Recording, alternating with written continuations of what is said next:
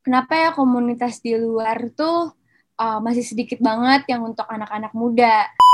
Apa sih yang differentiate komunitas-komunitas yang kamu jalanin dengan komunitas yang lain gitu? Isu yang kita bawa adalah uh, yang penting fokus ke diri kita, tingkatin semua kualitas diri, orang akan ngelihat kita sebagai perempuan yang hebat. Halo, sebelum dengerin episode Bagi Suara kali ini, jangan lupa kalau kalian belum cobain Bagi Kata, langsung aja ke bagikata.app.app di browser kalian dan cobain layanan kami ya.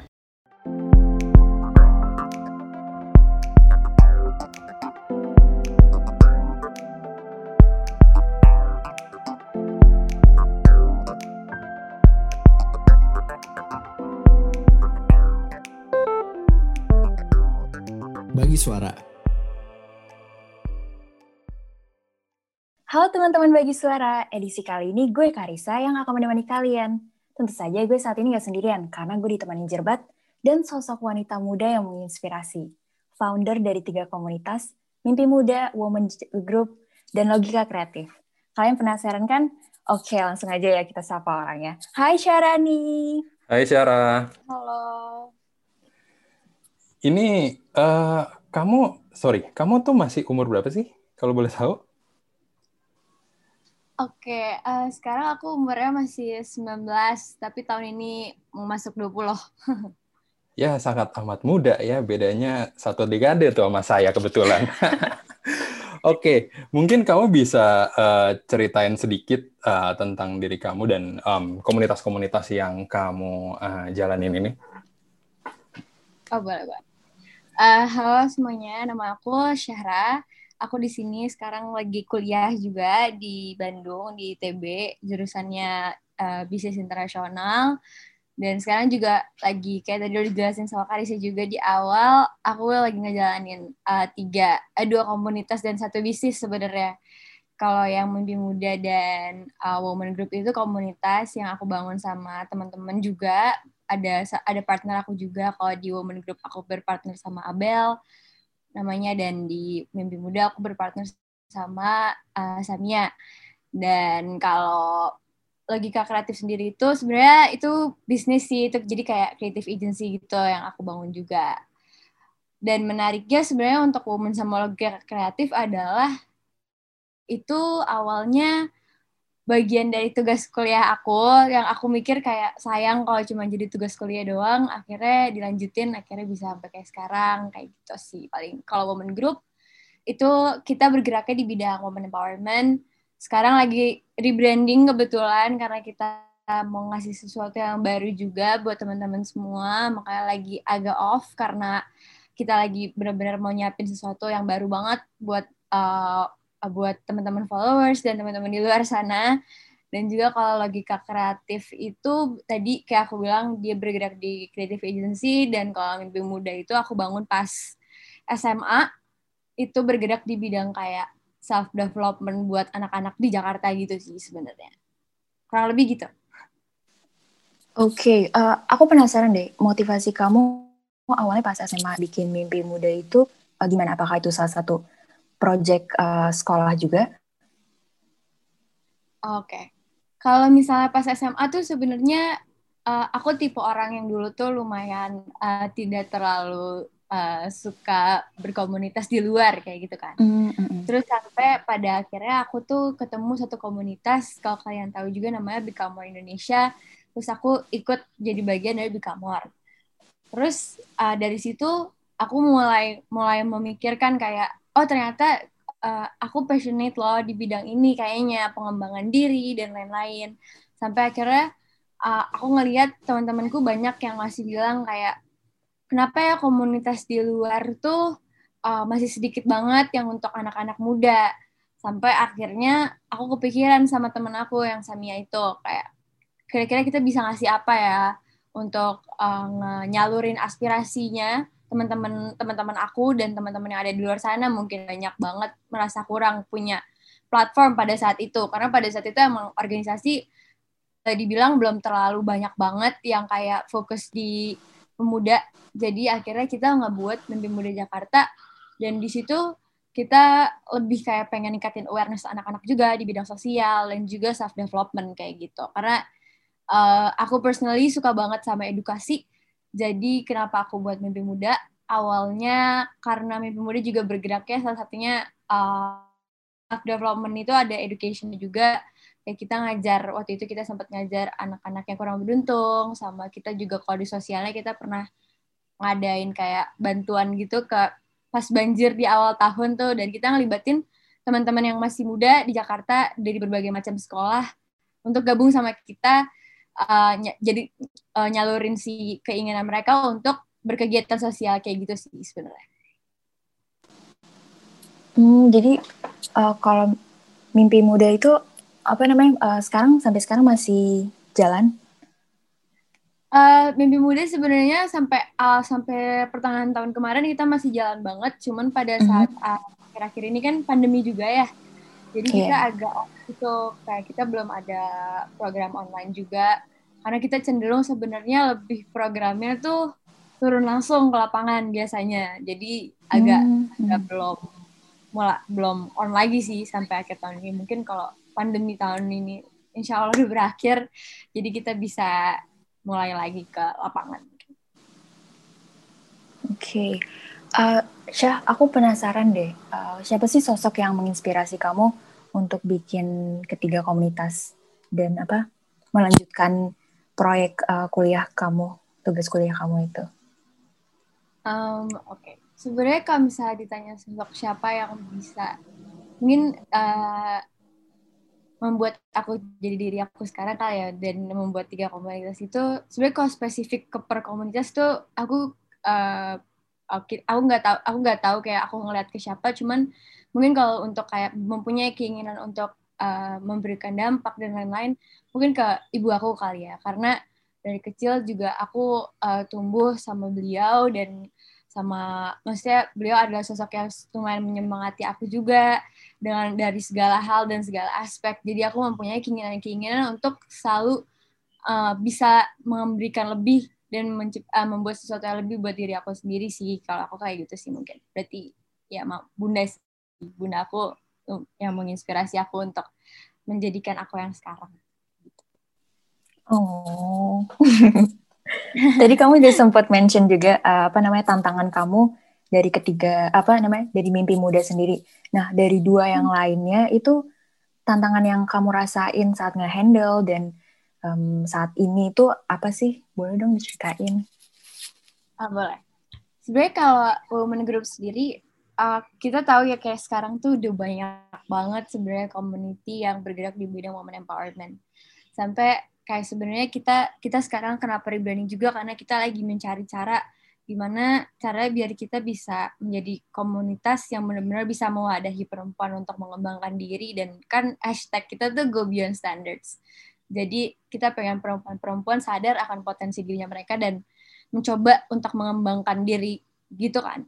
Jadi mungkin sebenarnya challenges-nya adalah sekarang udah banyak juga komunitas perempuan dan kadang mungkin yang yang kita harus kalau menurut aku personally ya harus dilakukan sebenarnya dari komunitas perempuan-perempuan yang banyak ini mungkin salah satunya adalah kita saling kolaborasi aja kayak uh, misalnya dia punya uh, komunitas A punya uh, punya punya punya service service ya apa ya punya uh, kegiatan apa tuh berkolaborasi misalnya sama woman group atau kayak gimana jadi kita bisa saling uh, kita sendiri sebagai komunitas bisa saling empower satu sama lain mungkin challenges-nya karena agak banyak jadi susah untuk hmm. melakukan hal tersebut gitu kan kayak harus nyari ke sana uh, ke ke suatu komunitas yang mungkin kita nggak punya koneksi atau kayak gimana hmm. dan mungkin kalau internalnya sendiri uh, challenges-nya mungkin kayak uh, kadang pasti ya dalam tim yang kalau misalnya dilihat woman awalnya cukup besar gitu teman-teman yang ada di dalamnya mungkin uh, challenge yang aku rasain adalah communication sih karena kadang susah juga kan untuk kayak nge-manage misalnya dulu tuh woman sempat ber 30 ber 40 terus hmm. kayak hmm. kadang susah gitu loh yang kayak oh kita harus misalnya misalnya mau ngomong ke sini kan jadi harus dibuat alur komunikasi yang baik kayak gitu hmm. gitu kan. Mungkin mungkin teman-teman yang di organisasi-organisasi lain juga ngerasain ya kayak salah satu challenges di dalam membuat sebuah organisasi atau bisnis. Itu sebenarnya kita harus punya uh, ability di berkomunikasi sih sebenarnya kalau menurut aku. Dan itu adalah hal yang lumayan kita harus belajar juga dan kayak learning by doingnya tuh nggak nggak bisa yang kayak langsung oke okay, gue bisa langsung berkomunikasi dengan efektif sama semua tim gue. Karena salah satunya lagi adalah saat kamu punya tim uh, kita sadar bahwa kita ketemu sama orang yang beda-beda. Kayak kita nggak tahu backgroundnya backgroundnya sebenarnya dulunya apa terus misal uh, kesukaan mereka apa atau dan lain-lain. Jadi uh, challenges menurut aku dalam dalam menjalankan semua organisasi aku adalah komunikasi sih. Karena kita harus beradaptasi dan tahu juga dulu kayak oh orang-orang ini tuh kayak gimana sih? Misalnya orangnya kita harus belajar dulu mencoba dekat dulu sama orang-orang yang ada di dalamnya biar sama-sama punya sense of belonging terhadap organisasi itu sendiri. Kayak gitu sih. Hmm, very interesting. Dan um, aku sebenarnya sangat tertarik dengan kamu yang masih muda ya, maksudnya muda sekali kayak when I was your age si kepikiran tuh bikin-bikin kayak ginian gitu. But mungkin emang gue aja yang tinggal di uh, zaman yang berbeda ya. But uh, gue sebenarnya penasaran sih. Um, kan lo bilang uh, logika kreatif ini uh, sort of your business um, creative agency gitu kayak lo belajar tentang ini tuh dari mana karena gue um, for a starter gue sebenarnya uh, kerja di creative agency it's been five around five years gitu dan kayak tapi gue baru tahu kayak ginian tuh kayak late after I um, graduated from college gitu. Kalau um, kalau kamu tuh kayak emang ke expose dari orang-orang di sekitar kamu kah atau kayak you you try to find um, information about ya yeah, how to create creative agency sendiri atau gimana? Oke. Okay. Uh, Sebenarnya kalau ini ada impact dari orang-orang sekitar aku sih pas kuliah juga kemarin aku disupport sama teman-teman aku yang emang lumayan ada di uh, bidang kreatif. Awalnya tuh aku nyokain bidang kreatif awalnya sebenarnya cuma event. Kalau event aku udah suka dari SMA sebenarnya. Tapi uh, lama-kelamaan aku tuh pas semester 2, ya semester 2, aku tuh ikut kelas kreatif gitu. Jadi kalau di SBM ada namanya aku mungkin nama matkul tuh LMP gitu jadi itu kayak belajar bisnis kayak uh, real time gitu. Terus di situ aku milih kelas kreatif dan kita harus coba bikin bisnis yang berhubungan dengan kreatif. Nah kebetulan uh, orang-orang di terdekat aku juga pada ngerti dan tahu soal creative agency sampai akhirnya aku mikir kayak oh mungkin bisnis plan yang pengen aku buat adalah creative agency ini kayak gitu. Jadi di situ uh, dari situ mulai terekspos saya sama creative agency. Dan sebenarnya di situ masih awalnya sih bulan-bulan awal aku masih kayak aduh creative agency itu desain doang ya atau apa ya. Ternyata uh, creative agency is more than that gitu. Ternyata pas aku sadar dan aku mulai lebih belajar lagi dan awalnya tuh sempat stuck juga sih sempat berhenti juga kayak sekitar 4 sampai 5 bulan. Setelah aku lulus semester 2 tuh pokoknya nggak dilanjutin uh, sampai akhirnya aku ketemu sama aku nggak coba ngajak teman-teman aku beberapa kayak ayolah jalanin uh, coba jalanin logika lagi gitu. Kayak maksudnya waktu itu aku juga sendiri soalnya pas masih masih pas di kelas kan karena emang tugasnya uh, pribadi gitu. Jadi pada saat itu uh, lewat lima bulan aku coba ajak beberapa teman aku kayak eh coba kita mau nggak iseng-iseng sambil uh, apa sambil kuliah kayak jalanin coba kreatif agency logika yang udah ada sayang aja soalnya kalau bisa ditinggalin.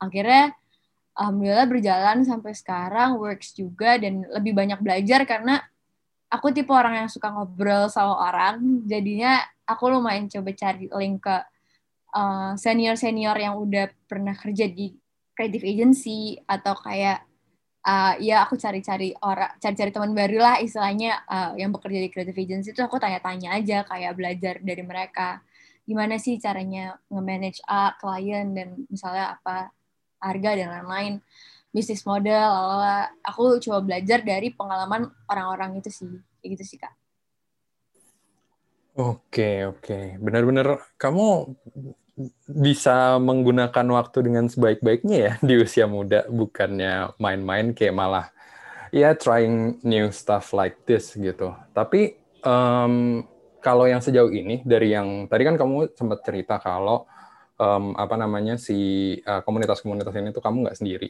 Ini semuanya tuh dengan orang-orang yang emang udah kamu kenal di awal kah atau kayak along the way kamu tiba-tiba kenal sama orang baru terus um, ya join atau gimana sih biasanya kalau kamu sejauh ini? Hmm, kalau pertama-pertama banget, aku sih uh, cenderung start dengan orang-orang yang aku kenal. Tapi uh, kayak tadi kakak bilang juga kayak along the way, aku belajar untuk uh, uh, kan pasti kayak misalnya aku butuh aku butuh orang misalnya contoh aku butuh orang desain terus aku kayak nggak aku nggak mempunyai tem, uh, teman-teman yang uh, bisa maksudnya bisa mempunyai waktu untuk desain di sekitar aku misalnya. Terus tiba-tiba teman aku ngerekomendasiin temennya. Jadi kayak ntar lama-lama circle-nya makin besar makin besar gitu kak.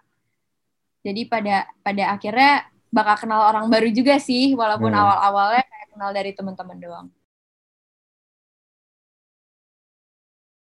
Nah um, ini aku mau ngomongin tentang um, digital the the late digital culture a bit ya jadi kayak kan emang sebenarnya salah satu cara untuk um, ya brand apa pun itu komunitas atau apa pun untuk um, bertahan apalagi di era digital ini kan uh, keep being relatable dengan um, digital culture yang ada gitu. Nah kalau dari kamu ada nggak sih kayak cara-cara kamu um, untuk keep up with yaitu keep up with the digital trend atau uh, yang lainnya buat biar apa ya mungkin biar kayak komunitas kamu tetap relevan atau Maki justru malah mem memperbesar uh, awareness tentang komunitas kamu gitu.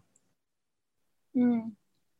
Uh, iya sih kak, kalau misalnya untuk digital culture sendiri kan kayak apalagi generasi Z gitu ya, kayak kita kita kita 93 persenan orang dari generasi di generasi aku generasi Z gitu emang mainnya di sosial media, main HP, internet dan lain-lain. Jadi mungkin cara aku keep up dengan digital culture itu adalah dengan selalu main ikut main sosial media sih kak sebenarnya. Jadi kayak ikut terjun di media-media yang aku emang pengen uh, dalemin gitu. Aku emang punya sesuatu kayak misalnya woman group kan fokusnya di Instagram terus kayak um, misalnya logika juga lebih fokusnya di Instagram kayak gitu kan. Ya mungkin uh, salah satu caranya adalah aku pelajarin si social media itu sendiri sih kayak gimana ya caranya naikkan awareness dari Instagram gimana ya caranya si uh, Instagram ini bisa works dan benar-benar ngasih impact ke orang-orang yang ngebaca, yang ngelihat dan kayak bisa nyebarin impact yang lebih luas lagi ke depannya kayak gitu sih kak. Jadi kayak benar-benar hmm. belajar dari media-media tersebut yang aku emang pengen taruh sesuatu lah istilahnya di situ kayak woman group ada di Instagram, logika ada di Instagram. Sejauh ini soalnya aku belum masuk ke TikTok, aku belum masuk ke YouTube jadi so far aku masih belajar di uh, banyak lebih fokus dan banyak belajarnya di Instagram itu sendiri kayak gitu. Oke, okay. um, ini agak-agak ngedrift a bit, but I just want to ask uh, your opinion sih sebenarnya. Um, menurut kamu tuh uh, platform TikTok tuh platform yang kayak gimana sih gitu. So ini ini agak-agak keluar sedikit sih dari dari apa namanya dari yang kita obrolin, tapi um, karena gue dari generasi yang berbeda, gue beneran penasaran sih kayak how Gen Gen Z yang yang gue nggak kenal uh, itu bisa um, melihat TikTok tuh seperti apa sih gitu. Oke, okay. um, I used to play TikTok tapi aku nggak main kayak bikin video gitu sebenarnya jarang. Kalau ada kebutuhan kayak iseng-iseng doang kalau nggak baru main TikTok. Cuman aku udah cukup lama juga nggak main jadi aku kurang keep up with hmm. TikTok trends juga sekarang. Hmm. cuman kalau menurut aku sih yang aku lihat aku juga dulu awalnya main TikTok baru kayak dua bulan lalu gitu. Terus akhirnya aku baru udah berhenti sekitar sebulan juga jadi nggak terlalu lama sih aku main TikTok terus kayak yang aku lihat adalah emang TikTok tuh platform yang powerful banget sih. Kenapa? Karena menurut aku sekarang semua orang bisa jadi kayak video creator uh, dan kayak dan videonya tuh kayak cuman satu menit 30 detik tapi kayak uh, secara nggak langsung tiba-tiba lo bisa dapet likes kayak 12 ribu gitu misalnya kayak hmm. algoritmanya menurut aku mantep banget sih dan kayak maksudnya kalau buat generasi Z sendiri kayaknya itu salah satu apa ya salah satu social media baru ya kayaknya yang menarik karena uh, asiknya adalah ya itu tadi mungkin gampang juga ya kak exposure-nya kalau di hmm. TikTok hmm. lumayan kayak cepet gitu. FYP FYP itulah. Iya.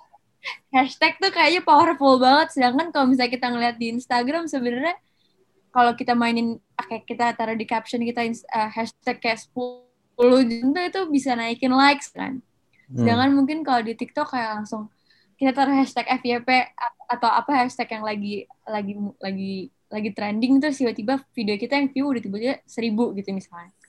Mungkin powerful di situ sih kak kayak hmm. buat generasi aku adalah satu exposure-nya gede banget kalau kita udah main uh, kalau kita main TikTok.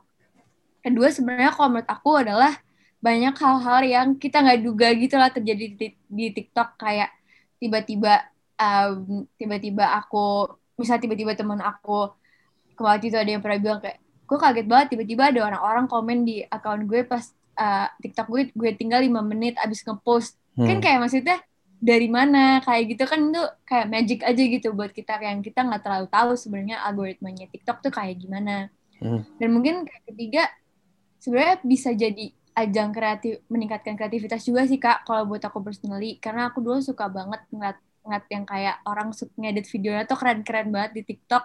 Dan kayak even buat TikTok aja mereka seniat itu. Apalagi kayak hmm. professionally gitu kan. Mungkin akan lebih bagus lagi. Jadi mungkin salah satunya itu juga TikTok yang uh, ngebuat dia jadi kayak social media yang cukup powerful. Karena orang bisa berkreasi dan bisa berkreativitas juga di dalamnya gitu kayak ya. banyak juga sebenarnya sisi positifnya sih kayaknya menurut aku di TikTok.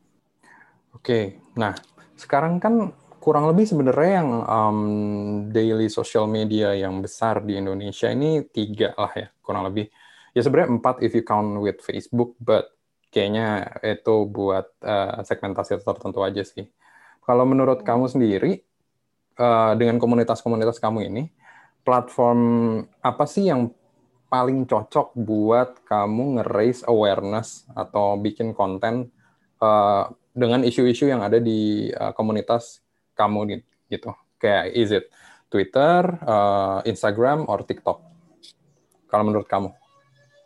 Kalau menurut aku uh, so far sih Instagram karena di Instagram tuh bisa nge-share konten yang agak panjang ya kak. Kayak hmm. maksudnya bisa bisa bisa 10 slides terus kayak uh, kontennya bisa jadi misalnya kayak konten yang bisa beneran orang baca dan mengedukasi karena kalau misalnya aku personally kan uh, di woman gitu lebih kayak ke self development education dan mimpi muda dan lain-lain juga juga kayak hmm. gitu kan jadi hmm. sebenarnya lebih kalau aku sih hmm. dan berdasarkan uh, pengalaman selama ini uh, Instagram sih karena kita masuk ke Twitter juga sebenarnya waktu itu terus kita coba masuk ke TikTok juga woman. Cuman di TikTok kayaknya kurang kurang market marketnya menurut kita masih kurang banget. Jadi kayak akhirnya kita ngelanjutinnya tetap aja pada akhir-akhirnya di Instagram juga.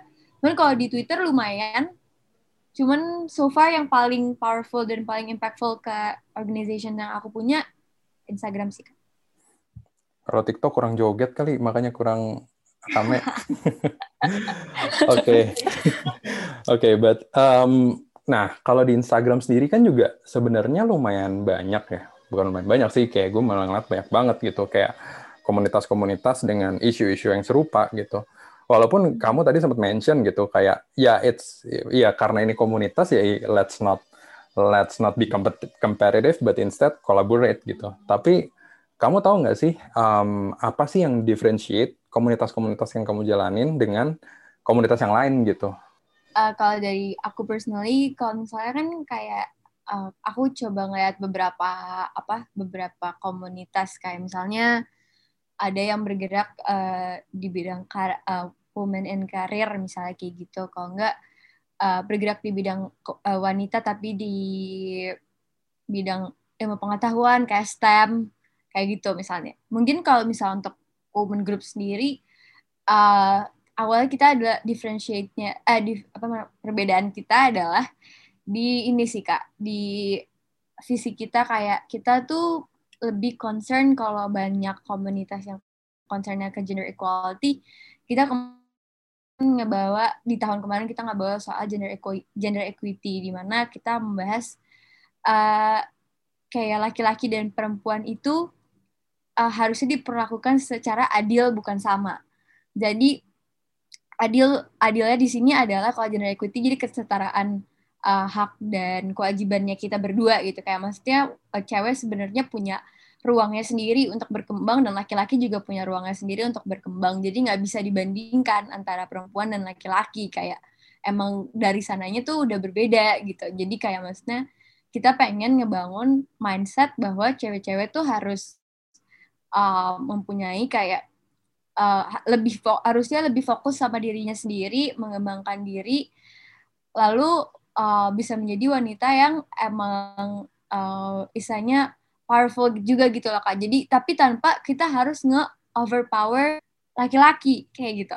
Jadi kalau uh, kemarin yang cukup kita bawa isu yang kita bawa adalah itu kayak uh, gimana sih caranya perempuan tuh bisa powerful di di caranya sendiri kita nggak usah uh, mikir kayak how to how to overpower woman, uh, how, how to overpower men. Gimana caranya biar gue lebih keren dari laki-laki kayak karena kadang-kadang uh, karena yang kita, isu yang kita bawa adalah uh, yang penting fokus ke diri kita tingkatin semua kualitas diri orang akan ngelihat kita sebagai perempuan yang hebat gimana pun caranya. Nggak perlu kayak kita harus memiliki kemampuan yang lebih dari orang lain tanpa ngebandingin diri kita karena apa isunya adalah sekarang perempuan juga lagi jadi banyak yang insecure karena saling ngebandingin diri satu sama lain ya kita fokus ke situ juga dari dari dengan ngembangin ngembangin dan fokus sama diri sendiri jadinya kita kita ngebuat mindset bahwa udah ntar lo bisa go beyond their standards uh, if you realize your potential gitu yang ada di hmm. dalam diri lo dan lo embrace itu keluar kayak gitu sih kak. Hmm. Kayaknya Karisa mau ada pertanyaan lagi ya? Iya benar sekali. Thank you Jurbat. Uh, uh, Syarani, aku penasaran deh kamu ke depannya berencana untuk bentuk komunitas atau platform atau bisnis lagi kah? Oh, uh, sebenarnya for now belum sih, kayak belum ada kok, belum ada rencana untuk ngebangun apa lagi karena mau lebih tahun ini targetnya mau lebih fokus ke ngembangin woman dan logika juga sebenarnya dan kayak kalau misalnya emang kita memungkinkan untuk ngejalanin mimpi muda lagi di pertengahan tahun ya uh, hopefully kita bisa jalanin mimpi muda lagi sih. Paling itu sih. Untuk membuat komunitas baru kayak belum. Oh ya, jadi uh, kamu tadi udah sempat mention kamu ingin fokus uh, pada apa? logika kreatif dan woman. Jadi harapan kamu uh, di 2021 ini gimana nanti uh, apa? Tiga eh dua platform komunitas dan satu bisnis kamu. Oke. Okay. Uh, sebenarnya Woman sendiri kan karena kita udah rebranding, jadi kayak uh, lagi rebranding maksudnya kita pengen kayak uh, we, we wanna give greater impact juga ke ke sekitar kita dan kayak kita juga pengen apa ya uh, teman-teman yang yang lain yang mungkin belum kenal woman lebih kenal woman juga nantinya dan lebih uh, lebih dapat soal uh, impact yang mau dikasih dan mission yang uh, dan vision yang mau di share sama woman ke uh, perempuan-perempuan di Indonesia terutama. Jadi pengennya sih uh, harapannya adalah impactnya lebih gede dan kalau untuk logika kreatif sendiri karena bisnis uh, ya pengennya juga bukan jadi kita dari awal juga pengen bukan pengen jadi bisnis kreatif agency yang kayak cuman sekedar kreatif agency yang kayak istilahnya jualan service doang tapi kita juga pengen jadi partner kolaborasi dari brand-brand yang ada di Indonesia dan kita sejauh ini masih ngerjainnya local brands dan kita benar-benar pengen nge-embrace local local brands itu kayak mempunyai kayak karakteristiknya tersendiri. Jadi kita emang dari awal lumayan nyarinya uh, klien yang uh, small medium enterprises karena kita seneng aja ngerjain brand lokal yang dan kita ngelihat kayak uh, gimana brand lokal tuh bisa berkembang banget sekarang. Dan semoga kayak harapannya melalui logika kreatif juga kita bisa ngasih apa impact yang besar ke teman-teman uh, small medium enterprises juga gitu. Dan kayak brand-brand yang masih mau berkembang di Indonesia. Jadi kayak uh, kalau lagi kreatif lebih kayak ke embracing local brands gitu sih. Cuman kalau misalnya woman kayak lebih ngasih impact lewat jalur edukasi dan self development buat perempuan-perempuan biar kayak hashtag beyond standards itu bisa kecapai di semua perempuan kayak gitu kayak bisa memaksimalkan potensi dirinya masing-masing. Paling itu sih kalau untuk mimpi muda sendiri uh, pengen sama nanti mungkin suatu hari kita bisa melakukan kegiatan offline lagi, pengen ngasih uh, impact juga lebih besar lagi ke anak-anak muda di Jakarta, ningkatin awareness tentang kehidupan sosial di Jakarta nih kayak gimana sih? Kalau enggak kayak gimana sih rasanya kayak uh, kita yang privilege dengan kehidupan kita yang sekarang bisa lebih berbagi uh, rasa dan ilmu ke teman-teman kita yang uh, mungkin di luar sana masih kurang beruntung atau gimana? Jadi meningkatkan kayak awareness uh, sosialnya gitu sih uh, kar kurang lebih. Wow. Aduh nggak sabar nih semua Semoga segala rencana yang um, lo harapkan terjadi 2021 ini berjalan dengan lancar. Oke, terakhir nih pesan kamu untuk pendengar bagi suara agar berani merealisasikan ide-ide yang dimiliki seperti kamu itu gimana? Boleh tuh share apa tips dan masuk saran?